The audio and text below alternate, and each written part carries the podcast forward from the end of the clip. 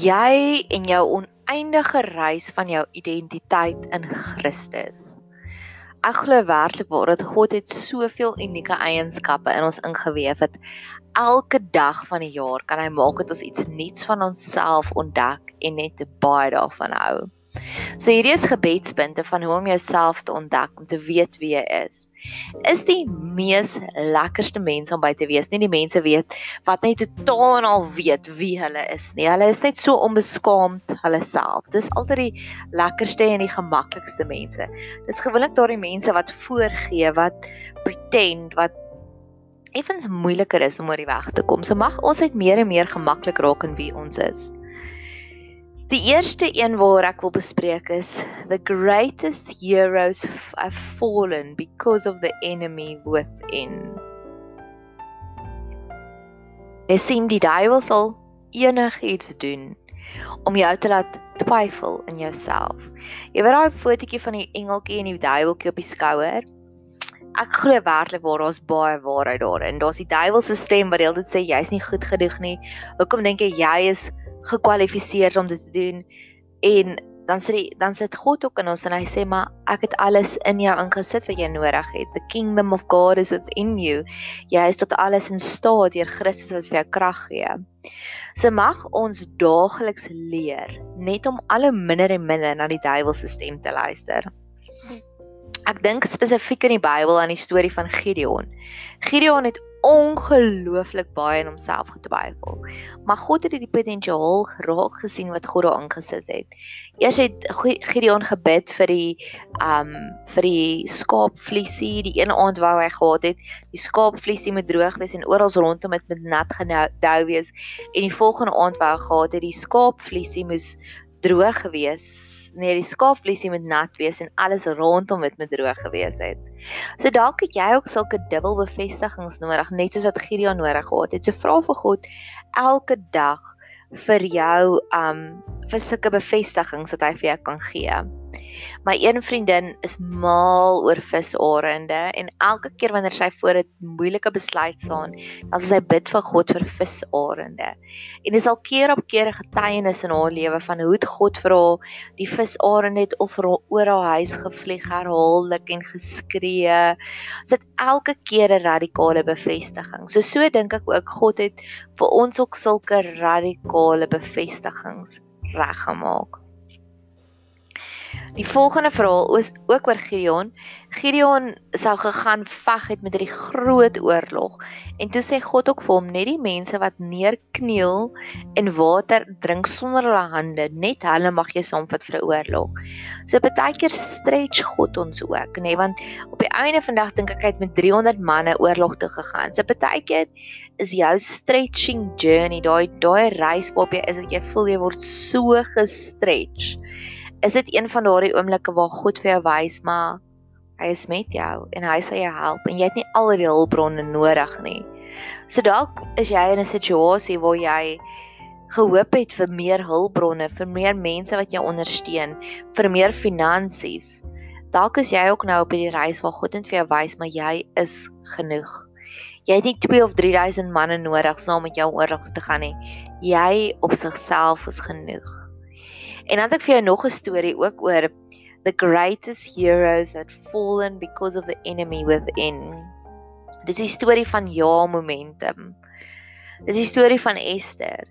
Is Esther het begin en sy het gehoor dat die koning het hierdie hierdie um nou weet ek nie wat dit kree in Afrikaans nie. Hierdie hierdie publieke statement gemaak om te sê al die Jode moet doodgaan. En toe sy begin met 'n klein versoekie wat sy gesê het: "Kom eet net saam my vanaand koning, my man." En drie koning ja gesê. En toe die tweede aand het sy weer vir hom gevra kom eet weer saam my koning. En toe daarna toe vra sy asseblief draai daai hele decree om. So dis dis die dis die storie van die ja momentum. Eers vra ons vir die Here vir 'n klein bevestiging. En dan raak ons al hoe meer bold en cheeky en ons begin net al hoe minder en minder te luister vir daardie stemmetjie binnekant ons wat ons laat so self laat betwyfel. Ek het 'n verhaal daarvan is ek kan onthou die eerste keer wat ek gevoel het ek het by die Here gehoor van stuur hierdie prentjie of hierdie boodskapie vir hierdie persoon wat sê, "Ag, oh, ek was so bang en ek was so bang hulle dink ek is 'n super weird want hoekom stuur ek dit vir hulle en dalk vra hulle 5000 vra." En dit het goed gegaan. En toe dit net begin meer en meer groei en groei. En ek kan ook onthou die eerste keer wat ek van iemand gedroom het en ek het vir hulle boodskap gestuur wat soos, "Ag, oh, hulle gaan dink ek so weird." En dit het net meer en meer begin groei. En ek glo die Here, hy is so gentle met ons en hy so hy's so gentleman. So mag die Here ook vir jou so laat stappie vir stappie groei om daardie grootste vyand wat binne in jou is, jou eie ego, die duiwel se stem, wat ook al dit is wat vir jou sê jy is nie goed genoeg nie. Mag God ook vir jou 'n battle plan gee van hoe om dit net al meer en meer te oorwin. En indien jy regtig baie intense inspirasie nodig het op hierdie onderwerp, wil ek jou graag weer motiveer gaan kyk weer die fliek Joan of Arc. Al moet jy net die eerste stukkie kyk want ek kan ook nie van die einde nie maar net om te sien hoe daai jong 14-jarige dogtertjie net onvoorwaardelik in haarself geglo het. Mag ons daardie gees kry binne in ons wat net sê ek weet wie ek is en ek gaan nie meer luister vir die duiwel se stem binne my nie. Die volgende storie is ook 'n verhoudingsstorie, maar ek glo dat dit baie impak in wie ons is want baie keer kry ons so seer deur verhoudings laat ons verloor 'n stukkie van onsself in die hele proses. Jy ken die verhaal van Kain en Abel. En Kain het vir Abel doodgemaak. En die rede daarvoor is glo ek is omdat die Bybel sê Kain Abel het vir God 'n offer gebring en dit was vir God pleasing. God het daarvan gehou. Ek glo vir elke nuwe dieper vlakkie waarin jy met God loop, is daar mense wat soos die Kains in ons lewe dit net nie kan vat nie. Vir elke meer intieme verhouding wat jy het met God, gaan daar mense wees wat jou gaan verwerp daaroor, juis daaroor. Al praat jy nie eers heeltyd oor God nie. Onthou die oomblik wat Moses in God se teenwoordigheid was, het Moses begin skyn en dit het die volk bang gemaak. Moses het nie nog eers sy mond oopgemaak en toe was hulle al bang want hulle kon die skyn sien. So selfs al praat jy nie eers oor jou verhouding met God nie, Ek wil amper vir jou sê raak gemaklik met die feit dat jy will offend people net deur wie jy is. Net soos wat Moses nog voordat hy sy oë oopgemaak het, was die mense al klaar bang vir hom. Net so nog voordat jy jou oë gaan jou mond gaan oopmaak om iets te sê, gaan daar mense wees, die kaings wees wat hulle gaan nie daai nuwe volksvreemde ding wat nou in jou is, hulle gaan dit nie verstaan nie. En ek het dit al keer op keer ervaar en dit maak nog steeds seer. Die eerste paar kere wat dit gebeur is jy het hierdie intieme diepte verhouding met iemand. Ek het dit al met vriendinne ervaar ek het dit al met ex-kerels ervaar. En dan kom jy by 'n nuwe vlakkie van intimiteit met God en ewe skielik clash hulle net. Gees tot gees clash net. En ek wil vir jou sê dis 101% normaal. Net soos wat Moses begin skyn jy verander ook en die mense sien dit. Daar gaan mense wees wat dit gaan omhels en wat daaroor gaan fees vier en wat soos by konsert gaan sê we want more. We want more. En daar gaan ander mense wees wat jou gaan verwerp en dit gaan seermaak. Maar weet net, dis vir 'n goeie doel. Net om weer vas te vat, ek hou van herhalings. Ek hou daarvan ek glo daaraan dat ons leer die beste met herhalings om dit oor en oor te hoor. Die eerste storieetjie wat ek vertel het was oor die vyand binne in ons. Dat soms moet ons leer om soos al is dit soos Gideon oor en oor en oor bevestigings te kry. Um kan ons ook daarvoor bid vir God asseblief soos my vriendin met die visarende. My my bevestiging is gewoonlik 'n liedjie op die radio. Ek het al baie daarvoor gebid wat ek sê kan ek asseblief 'n spesifieke liedjie of nie 'n spesifieke liedjie nie, ja, sal ek ek sal die radio aansit en dan sal daar 'n liedjie speel en dan weet ek, ag, oh, dit is een van my gunsteling liedjies en dan gee dit sommer meer vir my krag. Of hier waar ons bly op die landgoed is daar kudu en ek weet jy daar as ek 'n kudu sien, dan weet ek dit gaan vandag 'n fantastiese dag wees. En so terloops, ek het ver oggend weer ons kudu gesien. So ek weet sommer vandag gaan 'n fantastiese dag wees. So leer van um, om bevestigings te kry om daai vyand binne in jou te oorwin. Onthou van die ja momentum, dit groei. So ek gesê die eerste keer wat ek 'n profetiese boodskap aan iemand gestuur het, was dit baie weird en ek was baie bang, maar dit dit bou momentum op en nou doen ek dit sonder om twee keer eers daaraan te dink. En die tweede enetjie wat ons reeds bespreek het was die verhaal van Kain en Abel. Hoe nader jy aan God gaan lewe, hoe meer lofoffers jy vir God gaan bring wat vir God welbehaag eh, gaan wees. En weer eens in die verhaal van Kain en Abel, um Abel het niks gesê nie. Abel het nie gegaan na Kain toe sê, "O, lakapela, God het tog my offer aanvaar en nie joune nie." Abel het letterlik niks gedoen nie of niks met Kain gedoen nie, maar nogtans het Kain hom verwerp en hom vermoor.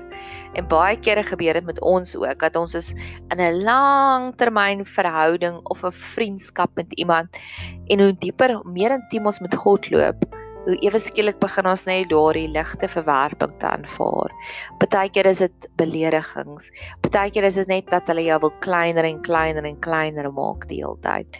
Wat ook al dit is, maar aanvaar dit en sê net vir die Here, "Yes, Here, ek sien dat ek 'n impak in die wêreld en stuur asseblief vir my nuwe mense wat in hierdie gap gaan staan." Die volgende gedagte wat ek met jou wil bespreek is die gedagte van wedergeboorte. Jou eie identiteit in Christus.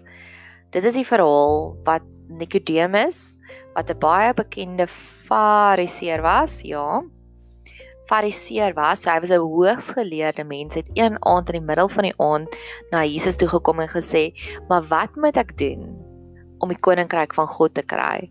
En en Jesus antwoord hom in Johannes 3 vers 3. Voorwaar voorwaar, ek sê vir jou, as iemand nie weer gebore word nie, kan hy nie die koninkryk van God sien nie. Wat beteken daardie wedergeboorte vir jou? Enige iets wat wedergeboorte word. Sê vir ons dat die iets persoon wat ook al moes eers gesterf het en dan kan hulle weer gebore word. So ek kom met jou 'n bietjie daaroor gesels, juis vir jou identiteit, juis vir wie jy is. Om iets weergebore te laat word, dink aan 'n saadjie. 'n Saadjie skeer hom weg van die boom af en hy val in die grond en dan sterf hy. Hy word begrawe en dan daardeur word daar wedergeboorte gekom, daai boom groei weer op. So daar's sekere gedeeltes van ons wat gaan afsterf om wedergebore te word om by die uiteinde van die van dit die koninkryk van God weer te sien. Afsterwe, wat dit vir my beteken is, dit beteken vir my ons gaan deur seisoene van winter.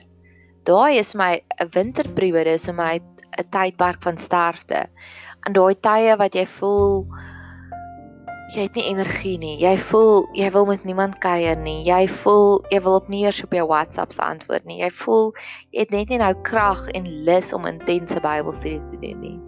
Ek wil vir jouself, ek wil vir jou toestemming gee om te sê surrender. Handig dit oor want jy's jy is op 'n op 'n reis van wedergeboorte.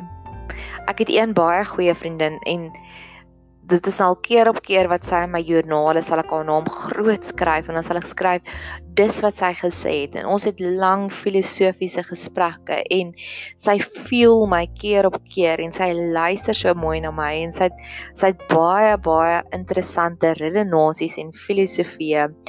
En ek voel soos daai keer toe Jesus gesê het maar wees ek en toe hak Simon Petrus af en sê U is Christus toe sê hy vlees en bloed het dit nie aan jou geopenbaar nie. Met ander woorde, jy het dit nie gekry by 'n mens nie. Dis nie tweedehandse kennis wat jy vir my gee nie. Dit is kennis wat God vir jou geopenbaar het. En dis hoe ek voel oor hierdie vriendin van my. Dis keer op keer wat ek wil uitskree, vlees en bloed het dit nie aan jou geopenbaar nie. Hierdie wat jy hierso vir my sê is soos wow, dis diepgaande dit is significant. Ek het nou net die Afrikaans en significant opgesoek. Dis beduidende inligting wat jy hier vir my gee. Maar my vriendin tans is in 'n baie groot winterperiode en sy stil. En vir die eerste paar keer het ek uitgereik na haar toe net om te hoor of sy okay en sy sê ek is semi okay, maar ek weet nie wat gaan aan met my nie, maar ek ek sien hierdie nuwe seisoen in my lewe, sy het begin met 'n nuwe werk en sy sê en sy kry net nie haar energie nie. En ek sê dit vir die hele tyd, dis oukei. Okay gaan deur jou winterseisoen want jy sien in winterseisoene met wedergeboorte is dit ons wortels wat versterk word dit groei al hoe dieper dat ons meer standvastig kan staan alhoewel daar nie nuwe blaartjies en nuwe blommetjies is op die bome nie ons wortels groei dieper so ek wil jou motiveer vir elke winterperiode waartoe jy gaan om net vir jouself te sê dis oukei okay. Iets sterf nou binne in my maar dit is iets wat klaar is. Ons gaan nou nie meer daar weer werk nie. En ek weet ek gaan wedergebore word. Ek gaan weer arise. Ek gaan weer groei. Die saadjie is nou wel onder in die grond, maar ek weet hy gaan ontkiem en hy gaan groei. En ek weet nou as hy begin groei, gaan ek nog 'n groter koninkryk van God sien. En baie keer is ons in 'n algehele woestynperiode. Daar kom baie seisoene wat alles voel vir jou dood. Jy's nie lus vir Bybelstudie nie, jy's nie lus vir mense nie, jy's nie lus vir spring cleaning nie, jy's nie lus vir nuwe projekte nie, jy's nie lus vir kos maak nie. En ander tye kry ons net waar daar sekere periodes, daar sekere dinge in ons lewe wat 'n bietjie van 'n winterperiode is. Dalk is dit 'n verhouding wat in 'n winterperiode is, maar dit gaan goed by ons werk en dit gaan goed met ons geestelik. Ek wil dit weer eens vir jou sê, surrender dit gee dit vir die Johannes 3 vers 3 verhaal wat sê Here dit gaan gewedergebore word. Ek weet dat dit gaan terugkom met meer van u koninkryksbeginsels. En dis hoe ons leer om dinge te surrender aan God. So om vas te vat wie is ons in Christus en elke dag net iets nuuts van onsself te ontdek. Ons het gepraat dat die meeste heroes val omdat hulle luister na die na die vyand wat binne in hulle is. En ek het 'n paar praktiese wenke gegee van hoe om dit te oorwin. Die tweede een waaroor ons gesels het om te sê elke stappie wat jy nader gee aan God, kan jy verwag dat daar kan dalk bietjie meer vyandskap kom van die mense wat in jou lewe is, want jy raak dit vir hulle weird. Hulle sien God se manifestasie op jou en hulle weet nie wat om daarmee te maak nie. Net soos die Kain en Abel geval. En die derde een waar ons gesels het is die winterperiode, is wedergeboorte. En met elke wedergeboorte beteken dit daar gaan nuwe openbarings van God se koninkryk in jou lewe wees. Mag jy 'n super geseënde reis hê om meer en meer te ontdek van jou en wie is jy in Christus.